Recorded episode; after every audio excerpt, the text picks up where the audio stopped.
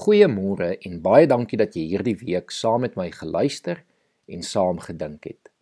Ek wil vanoggend met jou gesels oor een van die lekkerste en dalk ongelukkig een van die gewoontes wat ons te min in 'n geloofsgemeenskap toepas.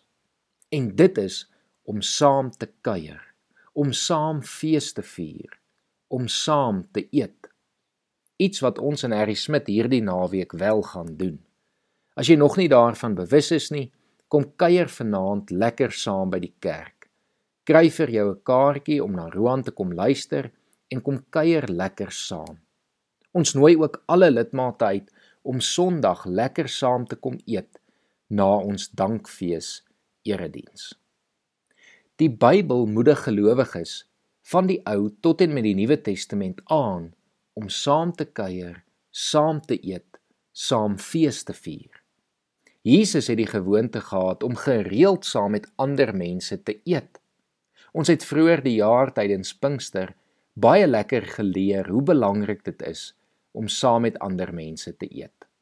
Dit klink dalk vreemd en dalk voel dit vir jou of dit nie heeltemal inpas in jou verstaan van kerk wees nie. Kerk moet mos stil en heilig wees. Maar ek dink ons mis daardeur die lekkerte van saam kuier as gelowiges. Die gemeenskap van gelowiges kan eintlik net ten volle ervaar word wanneer ons saam kuier. Die eerste gelowiges het baie gereeld by mekaar se huise saam geëet en saam gekuier.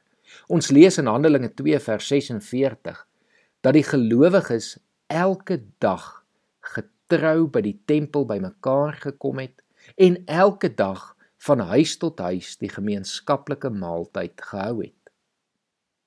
Reeds in Deuteronomium het die Here 'n opdrag gegee van feesvier en saam kuier. Ons lees in hoofstuk 12 vers 7: Daar in die teenwoordigheid van die Here julle God moet julle en julle families saam eet en bly wees. Deuteronomium 14 vers 26 herhaal dit soortgelyk wanneer dit sê Daar moet jy met die geld koop net wat jy wil. Bees, skaap, wyn, bier of enigiets anders wat jy wil hê. Dan moet jy en jou familie dit daar in die teenwoordigheid van die Here jou God eet, feesvier en bly wees. Mag jy hierdie naweek lekker saam met ons kom kuier. Mag jy gemeenskap van gelowiges daardeur vind en so ook verhoudinge bou.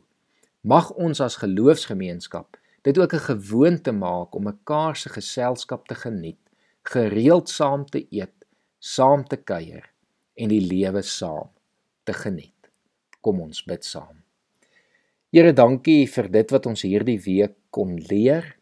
Dankie dat ons ook vandag herinner kan word dat ons die lewe moet geniet, saam moet feesvier en saam moet kuier, mekaar se geselskap kan geniet. Here, ek kom bid en vra dat U hierdie naweek se verrigtinge alles sal seën, dat vanmiddag en vanaand se program goed sal verloop, dat ons Sondag lekker saam kan kuier en saam kan eet.